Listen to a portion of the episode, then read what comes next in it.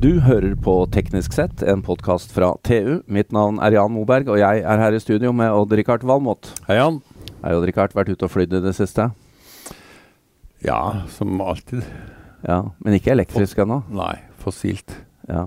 Ja, det Litt er- dårlig samvittighet hele tida. Alle har det nå. Alle har det nå. Men det kommer! Det kommer! Det kommer. Og eh, der må vi jo nevne at eh, for halvannet år siden så var vi på Arendalsuka. Mm. Og en av de tingene jeg husker best fra det, var jo at der var det en happening med norskprodusert elektrisk fly.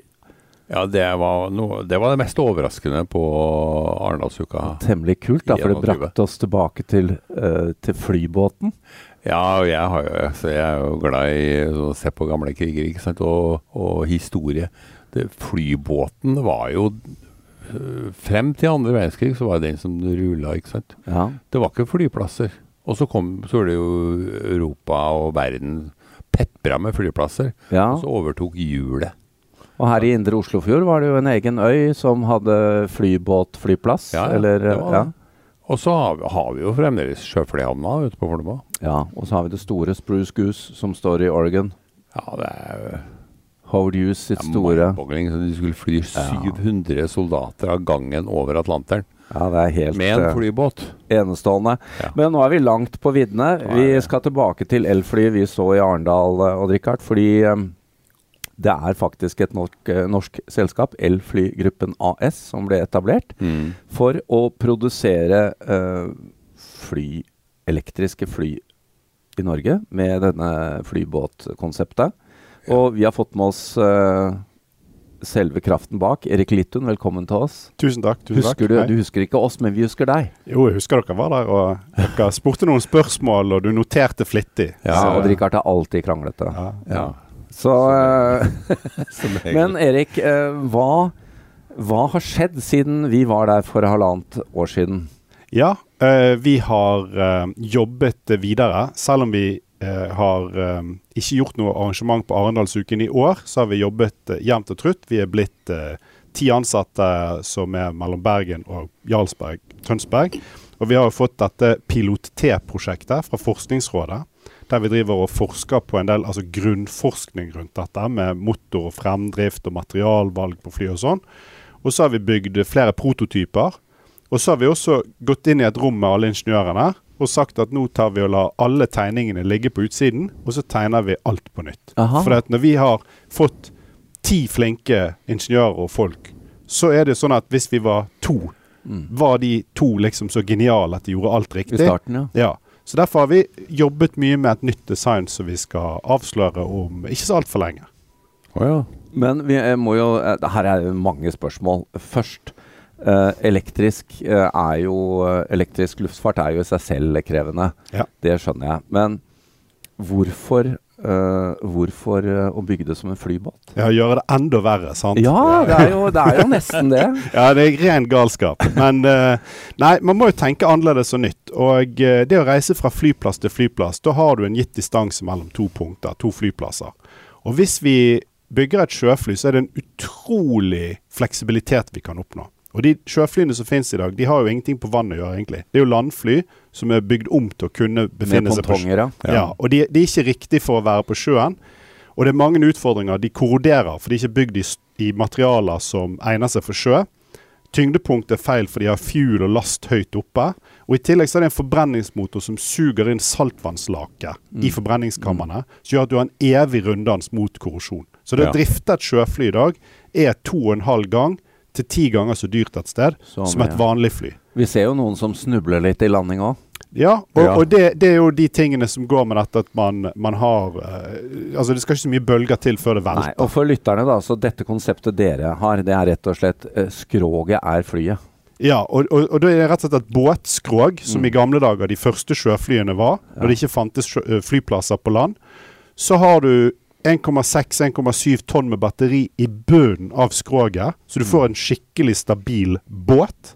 Og så putter du toppen på, som er vinger og eh, flymotorer og de tingene, som gjør at du tar av når du kommer opp i fart. Ja, så her, her har du ikke de bølgebegrensningene som et vanlig sjø, sjøfly har i dag. Ja, Vi har lekt med tall. For det første så er det veldig lite bølger innaskjærs i Norge. Ja, det så, så det er sagt. Ja. Men for det andre så ser vi at vi kan sannsynligvis kunne lande og ta av kanskje i opp mot to meter høye bølger. Oi. Men det blir ikke behagelig. Men, men vi ser at, Men det er bedre enn å styrte. Ja, det er bedre enn å styrte. Og vi kan jo nødlande når vi flyr på Ja. vestlandskysten hele tiden. Ja, Ja. det er et godt poeng. Uh, Odd Rikard, du har jo vært nede på Jarlsberg eh, flyplass i, i Vestfold utenfor Tønsberg, Ja. hvor, hvor eh, dere har tilhold på å utvikle dette her, eh, Erik. Og eh, det er jo veldig spennende. Først må vi snakke litt om hva er det dere skal bygge? Type størrelse og antall passasjerer. Ja. For dere er veldig konkrete. Ja, vi, vi forsøker også å adressere det å kunne fly ni passasjerer med bagasje ca. 200 km.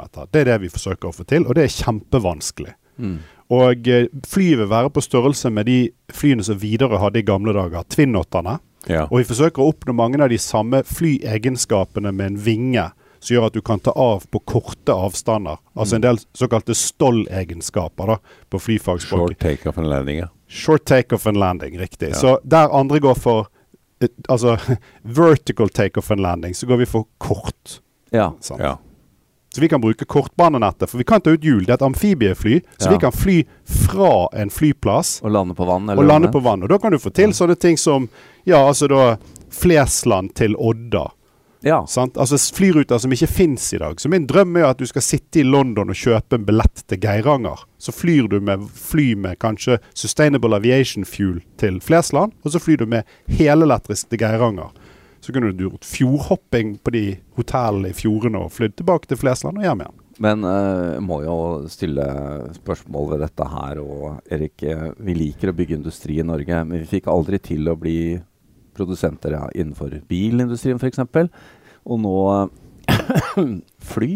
Ja. Altså, dere, dere tar sikte på å bli en produsent av elfly i Norge. Ja. For Norge. Men uh, hva, hva er det altså Vi, vi tenker globalt. Vi har ikke tenkt å bare bygge dette kun for Norge. Men hvis vi får det til i Norge, så kan vi få det til i egentlig hele verden. For værforhold og ting er ganske skittig her i Norge. Og det som jeg har sagt flere ganger til folk, er at vi er ikke gode på masseproduksjon i Norge, men vi er gode på serieproduksjon. Og det er mange paralleller til det oljeindustrien driver med. Når de Ja. driver og produserer ting til oljenæringen som skal ha høy kvalitet, og det skal være materialsertifikater og dokumentert oppå det de mente. Samme kravene gjelder til en sertifisert flyfabrikk.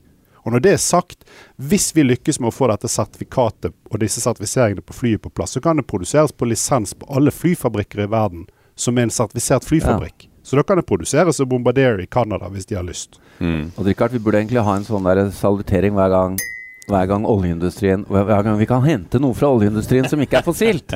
Ja, Det er viktig. men, men jeg, jeg, jeg har jo sagt det før, at vi er det grønne skiftet. Altså Folk snakker om det grønne skiftet, men vi er det. Vi er ti stykker som går på jobb hver Ja. dag Mm. og har lønn fra investor og fra virkemiddelapparatet i Norge her nå på at vi skal lage noe nytt. Ja. Men for å gå litt mer løs på teknologien her. altså Du snakka om eh, halvannet tonn batteri eller sånn i bånn. Det høres jo veldig smart ut. Men flyet i seg selv blir bygd i karbonfiber, tenker jeg. Sannsynligvis mest karbonfiber. Vi har sett på mange materialvalg. Og her kommer vi til litt av det som er det vanskelige. For det er mange som tror at batteriteknologien er det vanskeligste. Og det er jo selvfølgelig en premissgiver, Ja. og den blir bedre og bedre hele tiden. Vi jobber ikke med å utvikle batterier. Vi skal kjøpe de beste batteriene vi får fra noen produsenter når den tid kommer. Men det å få ned totalvekten på altså tomskroget og flyet Ja. Hvis du senker den med et par prosent og bytter det med batteri, så begynner ting å henge sammen. Derfor har vi, velger vi en vanskelig, knotete rute, men vi må velge materialvalg som tåler saltvann og Ja. de påkjenningene, men samtidig gir oss mulighet til å spare enda litt mer vekt. Ja, det høres Og Det er forskningspunkter vi ser på sammen med Forskningsrådet og disse postdokkene på NTNU. Men, men for å oppdatere litt, da. Det er batterier på halvannet tonn. Altså, hva, hva snakker vi om av antall kilowattimer sånn i, i de tankene Mm, du dere har? spør du meg tekniske ting, og nå skal jeg være helt ærlig og si at sånne tall forandres litt. Grann, og jeg skal ikke si hvor mye watt eh, med motor vi trenger, for det har variert veldig mye, Ja. og hvor mye totalt sett. Jeg, jeg pleier å forholde meg til disse kiloene. Ja. Men uh, Odd Rikard, du har jo vært der nede. Ja, Det er snakk om en uh, fire-fem elbilbatterier, da, eller noe sånt? Ja, jeg snakka med han kollegaen din, Thomas, som er CTO. Han eh, sa 260-70 kWt. Det, det stemmer Altså, nok. ja. og det er jo tre elbiler, ikke sant? Ja. Og så snakka vi om 900 kW motor.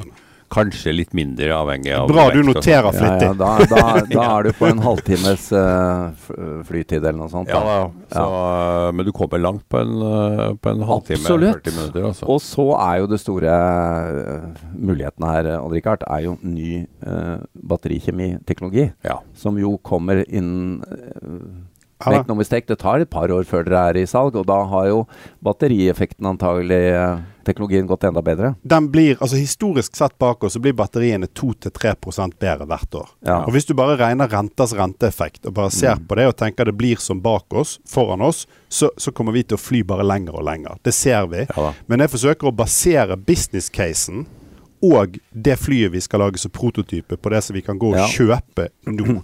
Av det beste det vi får tak i. Ja. Men Erik, dere har en plan om at eh, eh, dere skal lage et par prototyper før eh, det er kommersielt operativt sånn rundt 2030. ja. Hva er utfordringene i dag? Altså i dag Nei, altså det, det er jo det, det som er utfordringene, er jo det at kravene til disse nye flyene er jo like høye som alle andre fly. Og det tryggeste stedet du kan befinne deg, er jo inni et fly. Og det betyr at det skal være sikkerhet i høysetet. Og det tar tid og koster penger. Hadde, hadde dette vært en eh, eh, altså noe som ikke var så vanskelig å sertifisere, så kunne du produsert den og satt det inn i rutetrafikk, liksom.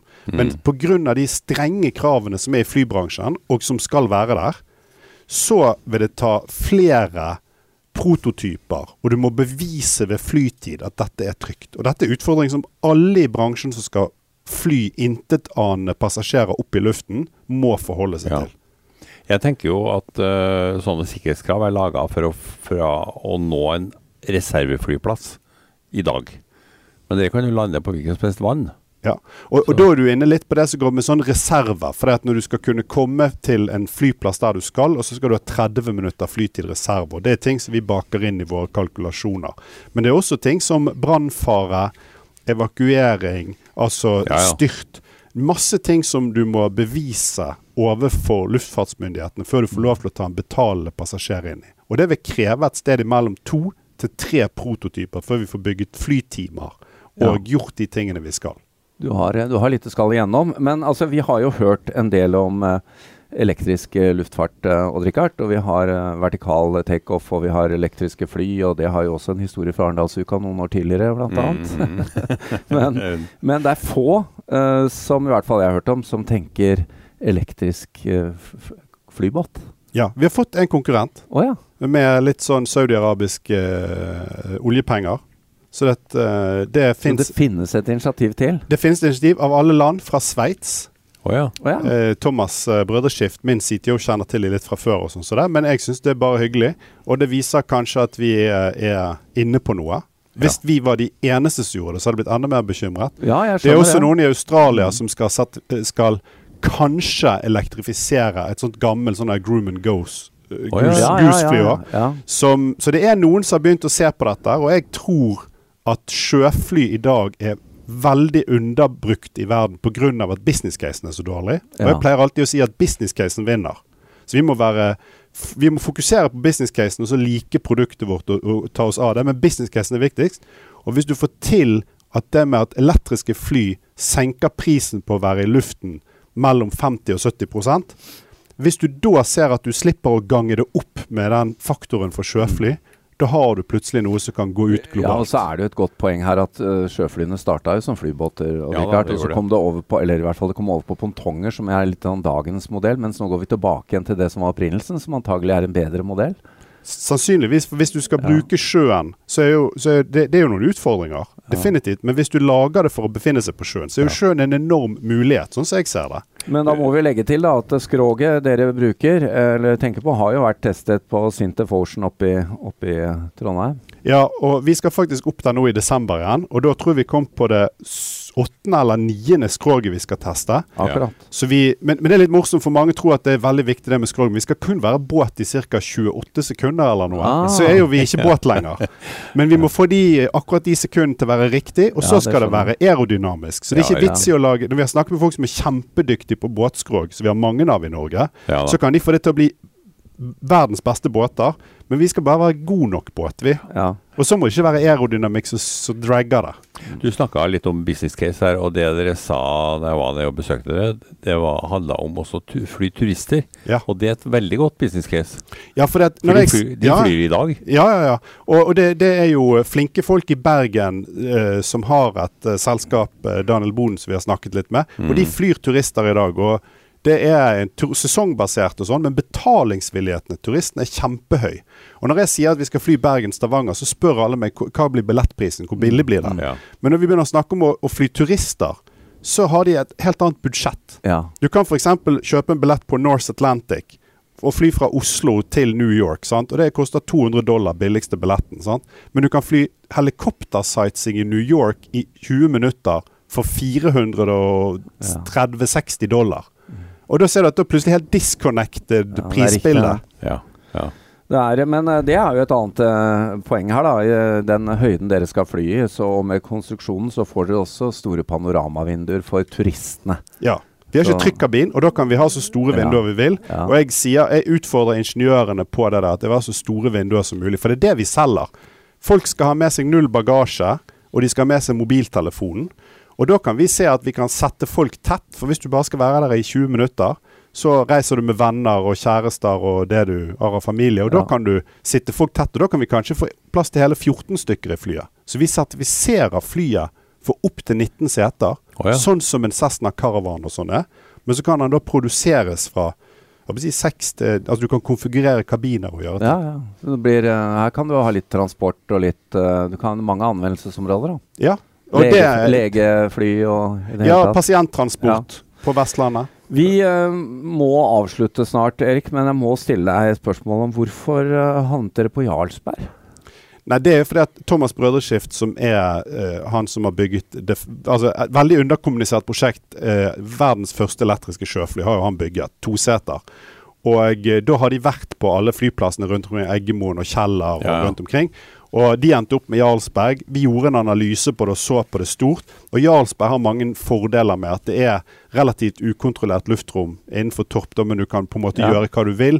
Det er en god flystripe, og det er lokaliteter som kan bygges ut og fås bedre til. Så, Ja. så derfor. Vi vil ikke ha det. Det kunne ikke vært på Gardermoen der no, SAS og Norwegians- mye action, ja. Der, er. Ja. Og Rygge militært, og der får du glemmesak. Og Eggemoen har masse fjell og skau rundt, og hvis du skal gjøre noe der, så er det fare sant, hvis du skal testfly. Ja. På, rundt Jarlsberg er det bare åker, og da kan du nødlande og gjøre ting. Og. Hvis, Ja. hvis det skulle skje, så Mm. kan du Mm. nødlande og gjøre ting. Nei, vi må jo bare ønske lykke til eh, når Bestille billetter, ja. Nei, Nei, men da skulle jeg akkurat spørre, Erik, når kan eh, Jeg tenker du kan invitere Odd-Rikard først på prøvetur.